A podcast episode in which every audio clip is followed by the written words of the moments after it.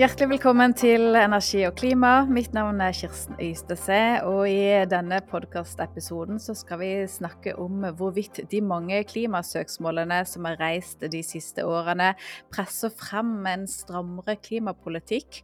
Og om hvor stor makt domstolene har og bør ha til å pålegge mer politisk klimahandling. Dagens gjest er glad for å ha med Hanna Cecilie Brenden. Velkommen. Tusen takk. Du er jo jurist, jobber med klima- og miljøspørsmål ved Norges institusjon for eh, menneskerettigheter.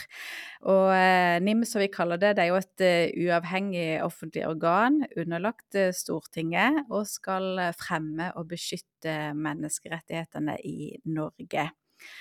Du, Hanna, det har jo vært eh, mange klimasøksmål som har reist verden over. Vi skal konsentrere oss da om eh, de søksmålene der land er saksøkt fordi en organisasjon eller en gruppe mennesker hevder at enten handling eller mangel på handling truer grunnleggende menneskerettigheter.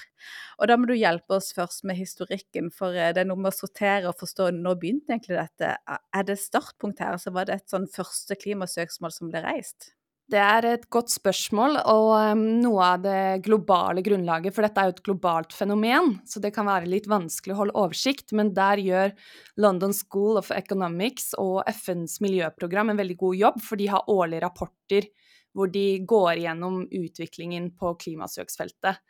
Og de refererer en sak fra 1986 som den første, første saken. De teller som et klimasøksmål, i hvert fall. Og sånn de definerer det, så er det saker som reiser materielle spørsmål om juss eller fakta når det kommer til utslippskutt, klimatilpasning eller klimavitenskap.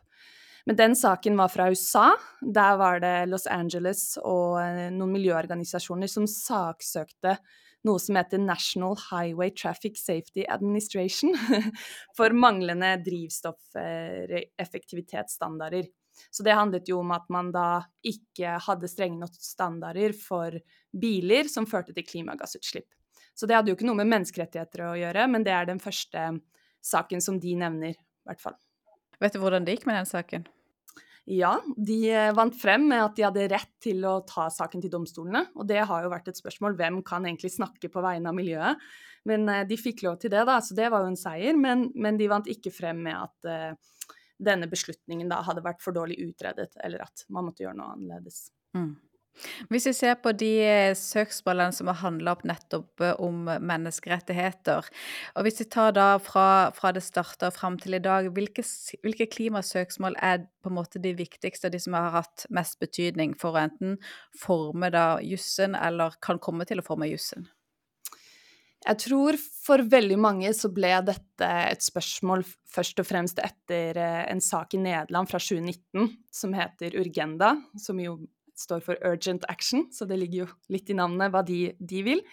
Eh, og de, den saken startet jo eh, i tingretten i Nederland i 2015, men det var altså i 2019 hvor Høyesterett i Nederland kom til at nederlandske myndigheter ikke gjorde nok for å beskytte sine innbyggere mot havstigning, som var den trusselen de der diskuterte. Og det var basert på retten til liv og retten til privatliv og hjem, som man har etter Den europeiske menneskerettskonvensjon, artikkel 2 og 8.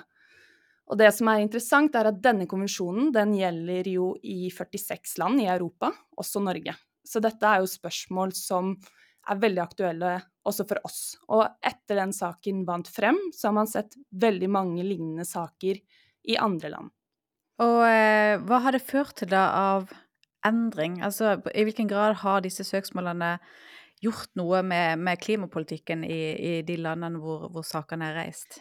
Jeg tror Før så tenkte veldig mange at klimasøksmål først og fremst var mer symbolsk. At det var en måte å få oppmerksomhet om noe. Men eh, FNs klimapanel de anerkjente i år at eh, klimasøksmål kan føre til økte utslippskutt.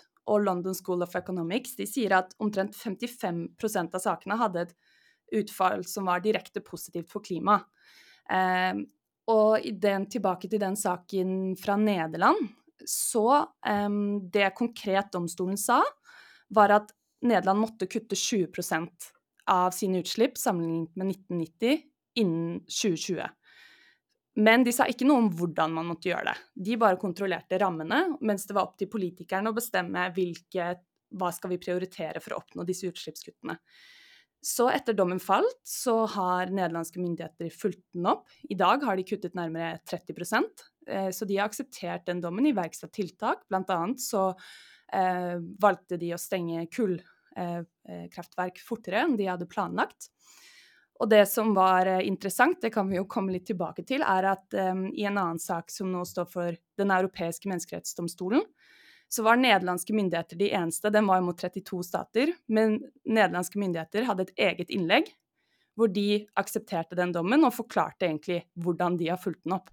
Vi kan gjerne snakke litt om den saken, for det er jo sånn sett er jo 2023, altså i år, et historisk år for det første gang Den europeiske menneskerettighetsdomstolen da eh, behandler klimasøksmål. Og de har hatt tre saker til behandling. Si litt om hva disse handler om.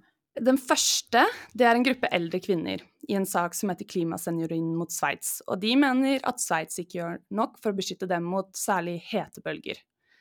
Og så er det en andre sak, Carem eh, mot Frankrike, og det er en fransk borgermester som mener at Frankrike ikke gjør nok for å beskytte hans hjemkommune mot havstigning på kysten av Frankrike, nordkysten. Og så er den siste saken, som er den jeg nå nevnte, Duarte eh, mot Portugal og flere land, 32 land, inkludert Norge. Og her er det seks barn og unge eh, i Portugal som mener at landene samlet sett ikke gjør nok for å kutte utslipp, som truer disse barnas grunnleggende rettigheter i form av hetebølger, skogbranner, at eh, de mister dager på skolen, ikke kan være ute, og disse type påvirkningene. Mm. Og alle disse tre sakene, det er det vel venta at uh, avgjørelsen vil komme til neste år, stemmer ikke det? Jo, det stemmer. Mm. Hva, hva, tror du om sjansen for at disse kan vinne fram? Det er et stort spørsmål. Jeg tror jo at um, alle sakene er, selv om de dreier seg om det samme spørsmålet, hva må statene gjøre, må de kutte utslipp for å beskytte grunnleggende rettigheter, så er de veldig forskjellige på faktagrunnlag, hvem som klager inn, og eh, mer sånn prosessuelle spørsmål, som jo veldig ofte blir viktig i jussen. Så klimaseniorinnen er kanskje den saken som reiser færrest sånne vanskelige prosessuelle spørsmål, fordi den har vært gjennom nasjonale domstoler.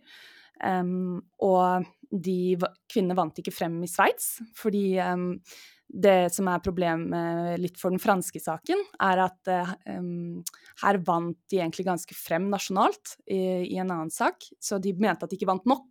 Uh, så det blir et spørsmål uh, der.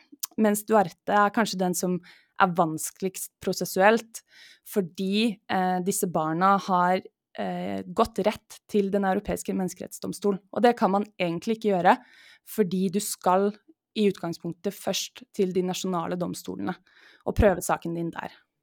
Mm.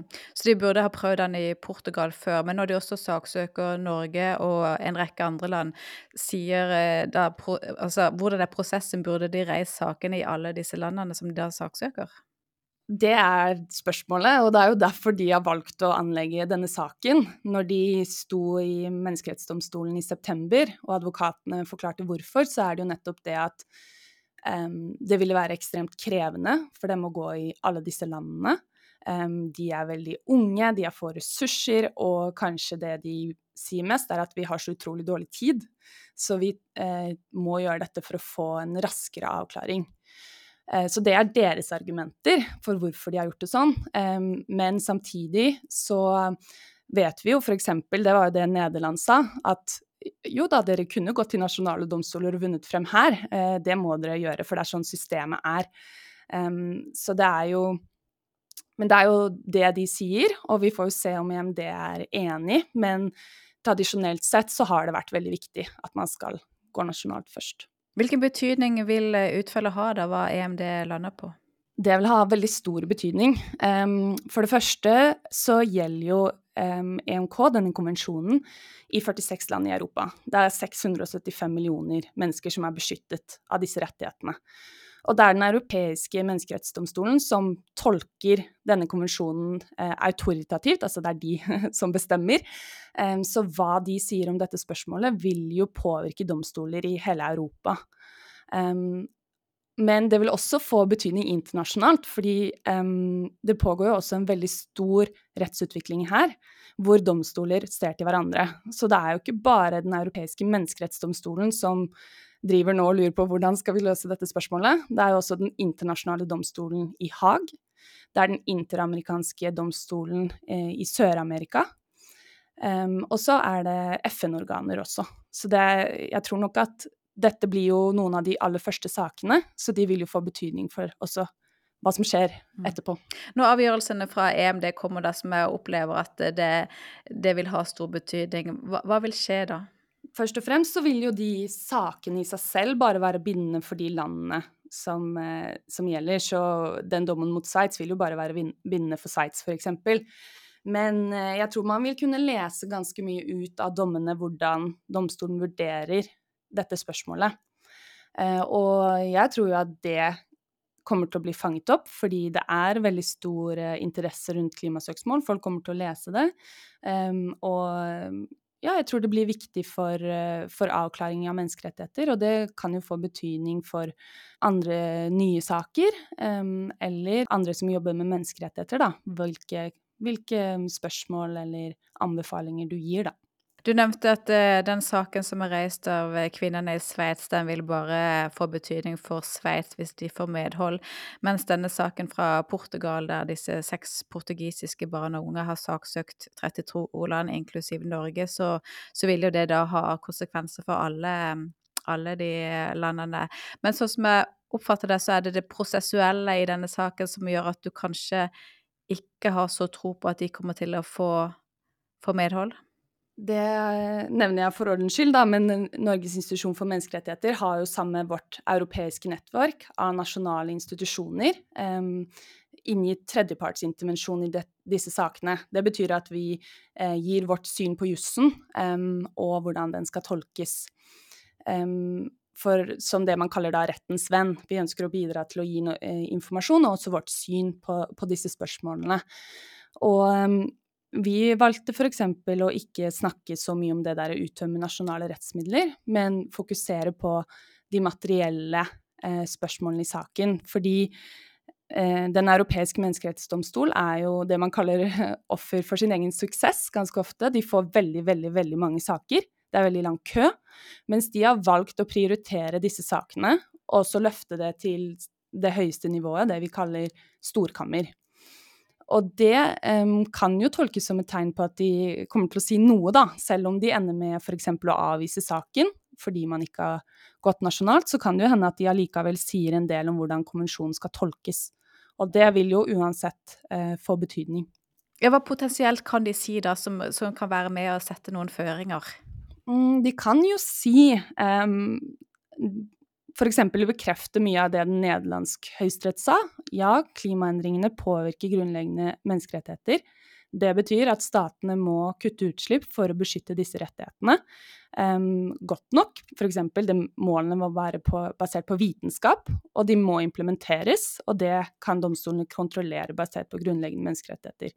Hvis de f.eks. hadde sagt det, um, så ville man jo visst en del om uh, hva man kan gjøre for å følge det opp. Um, fordi denne menneskerettsdomstolen har jo en sentral rolle som rettsavklarer når spørsmål er uklare. Og det, sånn som på dette feltet, folk er jo uenige om hvordan menneskerettskonvensjonen skal tolkes, eh, så vil bare det å få en klarhet da, eh, fra den øverste tolkeren være veiledende for alle andre domstoler og alle som jobber med dette spørsmålet. Det sentrale spørsmålet som egentlig alle disse klimasøksmålene reiser, det er jo hvor går grensa mellom politikk og juss? Har eh, klimasøksmålene som hittil er reist, bidrar til at vi vet noe mer om hvor den grensa bør trekkes? Altså hvor, hvor langt strekker politikkens makt seg, og når har domstolen helt klart muligheten til å korrigere politikken? Ja, det er jo et veldig, veldig viktig spørsmål som disse sakene absolutt har belyst. Um, og det med diskusjon om jus og politikk, de blir veldig fort på en måte veldig sånn eh, sterke opp mot hverandre. Men jeg tror det disse dommene har bidratt til, er å vise ok, dette kan vi nyansere. Det er ikke enten-eller, men det er om å gjøre å treffe en balanse, ikke sant, en maktfordeling, som vi kjenner egentlig på alle andre områder. Og i eh, Norge har jo også hatt et klimasøksmål hvor dette spørsmålet kom opp. Um, og der sa Høyesterett at på den ene siden så er det å håndtere klimakrisen, det er jo um, en politisk oppgave, først og fremst. Og domstolene de bør ikke ta over politiske domener. Det er egentlig opp til folkevalgte å bestemme avveininger her. Men så sa de på den andre siden at ok, vi har jo en rett til et levelig miljø i Grunnloven, vi har andre grunnleggende menneskerettigheter. Og når vi er en rettsstat som har en grunnlov, så er, ligger det jo i dagen også at um, domstolene skal kunne sette grenser hvis man går, overskrider disse rammene for politikken. Så dette var de to hensynene Høyesterett nevnte. Uh, og de mente da at det skulle veldig mye til, svært mye til, for at de kunne tilsidesette vedtak fra Stortinget. Det var det de sa. Så er det mange uavklarte spørsmål også, som jeg ikke går inn på. Men det jeg syns er interessant, er at veldig mange andre domstoler har på en måte tatt et hensyn til eh, i denne balansen, nemlig hensynet til etterslekten, eller fremtidige generasjoner. Og som kanskje gjør at denne balansen slår kanskje litt annerledes ut. Eh, spesielt så sa tys en tysk domstol det i en eh, kjent sak som heter Neubauer, at nettopp fordi fremtidige generasjoner ikke har stemmerett i dag, mens de beslutningene vi tar på klimaområdet får veldig stor betydning på dem, så kan vi kontrollere mer om myndighetene gjør nok. Eh, men samtidig så er det viktig å si at den balansen mange domstoler har kommet frem til, er at vi prøver rammene, vi prøver når de de utslippsmålene dere har satt dere innenfor Parisavtalen dere selv har vedtatt, en sånn type kontroll. Men ingen har fastsatt akkurat hva man må gjøre. For ikke sant, de valget mellom virkemidler for å kutte utslipp, det er vanskelig, det er omstridt. Men det at man faktisk når de målene, det kan domstolene kontrollere. Mm. Den konkrete saken som du nevner fra Tyskland, hva var det den handla om sånn konkret? Den handlet om en tysk klimalov um, som hadde visse målsetninger. Uh, og så mente de uh, saksøkerne at myndighetene la opp til å bruke opp uh, det karbonbudsjettet som loven fastsatte. Altså de ville uttømme eh, de utslippene man hadde igjen for å nå egne mål, eh, for tidlig. Som ville bety at um, man ville, ville, bruke opp da egentlig friheten til å slippe ut utslipp på bekostning av barn og fremtidige generasjoners rettigheter. Og den var basert på en eh, tysk miljøbestemmelse som ligner ganske mye på den norske. Og eh, på dette punktet, eh, mange andre punkter så var de uenige, men på akkurat dette punktet så vant klagerne frem ved at deler av den tyske klimaloven ble kjent grunnlovsstridig fordi den overforbrukte egentlig eh, karbonbudsjettet på bekostning av fremtidige generasjoner. Mm.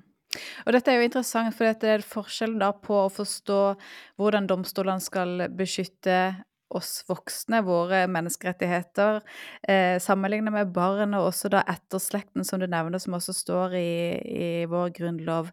Og viser disse sakene som du nevner, at eh, domstolen har en viktigere rolle å ivareta barns og kommende generasjoners menneskerettigheter, mens de har mindre makt når det gjelder vi som da er en del av demokratiet, og som kan være med å påvirke politikken via valg? Jeg tror jo at det er noe mange domstoler er ganske lydhøre for, et argument som har vunnet frem i noen saker. Og det var jo det som ble et veldig stort argument også i den Duarte-saken for Menneskerettsdomstolen. Eh, det kommer jo mye mer på spissen der når man snakker om barn som ikke påvirker valgene som tas i dag, men må leve konsekvensene, enn når man f.eks. da snakket om denne franske borgermesteren, som jo er representert politisk. Det er jo litt forskjell i hvor stor makt man har da, til å påvirke um, valgene som tas. Um, så jeg tror jo at um, det er jo også noe FNs barnekomité, som overvåker FNs barnekonvensjon, har vært veldig tydelig på. da. At barn eh, trenger kanskje også andre virkemidler for å fremme sine rettigheter. Hvis domstolene kan i større grad beskytte barn og etter slekten, hvilke konsekvenser da ser man at det kan ha for klimapolitikken? Nei, jeg tror jo at det er det Hvis vi ser på hva vi allerede har sett, så er det jo nettopp det at um, det blir mindre frihet til å skyve på klimamål, eller la være å nå de. Det blir mer en kontroll av at man faktisk eh, gjør det man har sagt man skal, fordi eh, barns rettigheter trues av klimaendringene. Slik at hvis vi ikke um, kutter utslipp nok, så risikerer barn å leve i, et veldig, veldig farligere klima, uh, rett og slett. Og også uh, kanskje at de må leve med sterkere inngrep i sine menneskerettigheter enn vi gjør i dag. Fordi det er jo på en måte baksiden her, at også det å um, iverksette klimatiltak kan jo gripe inn i andre menneskerettigheter, sånn som eiendomsrettigheter, bevegelsesfrihet, alle disse typer tingene vi kjenner til. Eh, og det at vi ikke gjør det i dag, betyr jo kanskje at barn og etterslekten må gjøre det, fordi vi er jo alle enige om at vi skal til netto null. Det betyr jo at noen må jo kutte utslipp. Og hvis eh, vi ikke gjør det, så risikerer jo også barn eh, sterkere inngripen i deres friheter. Er da barns rettigheter med på å justere den balansen mellom, mellom politikk og juss? Ja, jeg tror jo i hvert fall at i Tyskland så var det jo veldig tydelig det. Um, og andre organer som er, snakker om dette spørsmålet, f.eks. Venezia-kommisjonen, har også trukket opp at um, vanligvis når man snakker om menneskerettigheter, så er det jo den konflikten mellom flertall og mindretall. Uh, mens her så er det mindretallet etterslekten, da. At den derre balansen uh, Det kommer et tredje hensyn, sånn som jeg har vært inne på. Hvordan ser dere NIM på dette, da? Er det deres vurdering at Norge eller andre lands klimapolitikk er så utilstrekkelig at det i dag truer barns rettigheter? Det er jo derfor eh, alle venter spent på disse rettsavklaringene, fordi de vil bidra til å si hva konkret går statenes plikter ut på her. Så det er jo ikke eh, på dette tidspunktet mulig å si OK, eh, Norge f.eks. bryter barns rettigheter, det vet vi ikke nok om enda. Men eh, jeg tror jo basert på den rettsutviklingen vi har sett, og hva andre land har blitt dømt for, eh, så har jo vi sagt før at det kan være en risiko for at Norge ikke gjør nok. Um, og det kommer jo også, hvis du ser på FNs barnekonvensjons syn på dette spørsmålet, så har jo de sagt ganske mye om hva de forventer eh, av stater. Det at man kutter utslipp raskt til netto null, f.eks. Um, og det som konkret jeg tenker er en risiko, hvis man f.eks. sammenligner um, norske utslippskutt og nederlandske utslippskutt, så har jo Norge frem til nå kuttet uh, omtrent 5% i territorielle utslippskutt siden 1990, mens Nederland uh, måtte jo kutte 20 innen 2020. Så det er jo bare ikke sant? Det kan jo tilsi at det er en risiko, i hvert fall. Og da dette klimasøksmålet som eh, var oppe i, i Norge, og som er avgjort, eh, hva var grunnen til at man da ikke la vekt på eh, nettopp etterslekten? Det, det, vet jeg ikke. Det, det, fordi det som er, er at det står jo, sånn som du var inne på, i Grunnloven 112, miljøparagrafen, at naturens ressurser skal disponeres ut fra en langsiktig og allsidig betraktning som ivaretar denne rett også for etterslekten. Og vanligvis så er jo um, ordlyden i en bestemmelse veldig viktig juridisk metode. Så um, ja, jeg tenker jo at uh, dette kanskje burde vært uh, diskutert litt mer, men det kan jo hende at uh, det blir det i fremtiden. Fordi det skal sies at det norske klimasøksmålet skiller seg egentlig fra mange av de andre vi har diskutert, fordi det handlet om et enkeltvedtak. Det handlet om det å gi oljetillatelser. Um, Sånn at det blir jo veldig mange færre utslipp fra det enn, en hvis du f.eks. sammenligner med en stats samlede klimapolitikk. ikke sant? Så mange av de sakene jeg nå har vært inne på, den tyske, den nederlandske, det handler jo om statens samlede klimapolitikk, om den er god nok. Og det tenker jeg er en forskjell på å diskutere det um, og konkrete vedtak. For det, blir, det er litt med det jeg diskuterte i stad, ikke sant. Juss og politikk du kan prøve kanskje rammene, men konkrete valg blir kanskje vanskeligere. Mm. Men det du sier da, at uh, kanskje et klimasøksmål mot Norge som handler mer om den totale klimapolitikken, hvor mye har vi redusert utslippene, hvis du prøver det mot rettighetene til, til barn og etterslekten, så kanskje det er et søksmål som, som hadde vunnet frem? Jeg hadde vært eh, nysgjerrig på det, i hvert fall. Vi har jo ikke sett det i Norge, så vi vet jo ikke helt. Men, eh, men, det er jo det som andre land har sett, og vi har jo ikke hatt et sånt søksmål i Norge. Men sånn som dere i NIM ser det, hva er det viktigste disse klimasøksmålene har bidratt til frem til nå?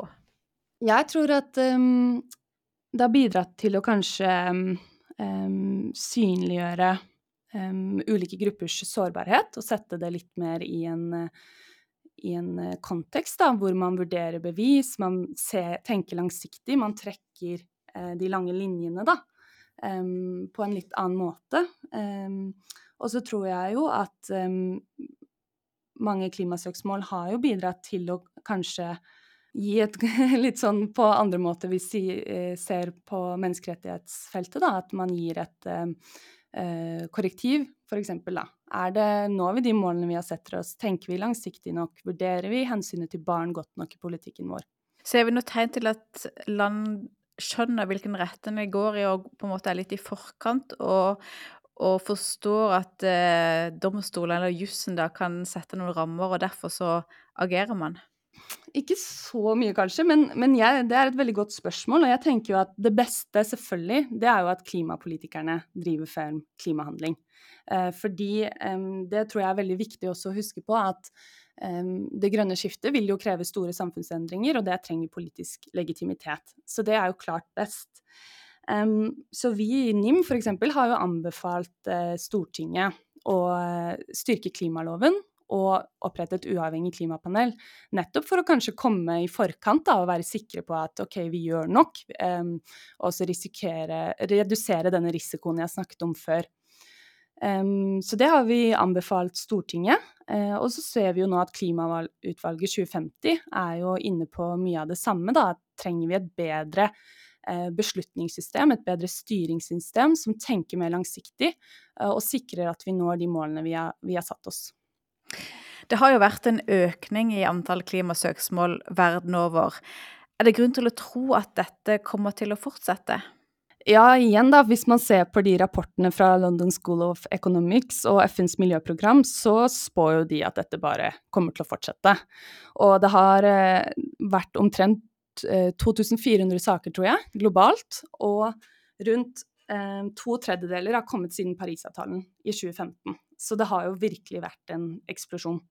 Eh, klart flest saker er eh, i USA, men det har etter hvert også blitt veldig mange i Europa.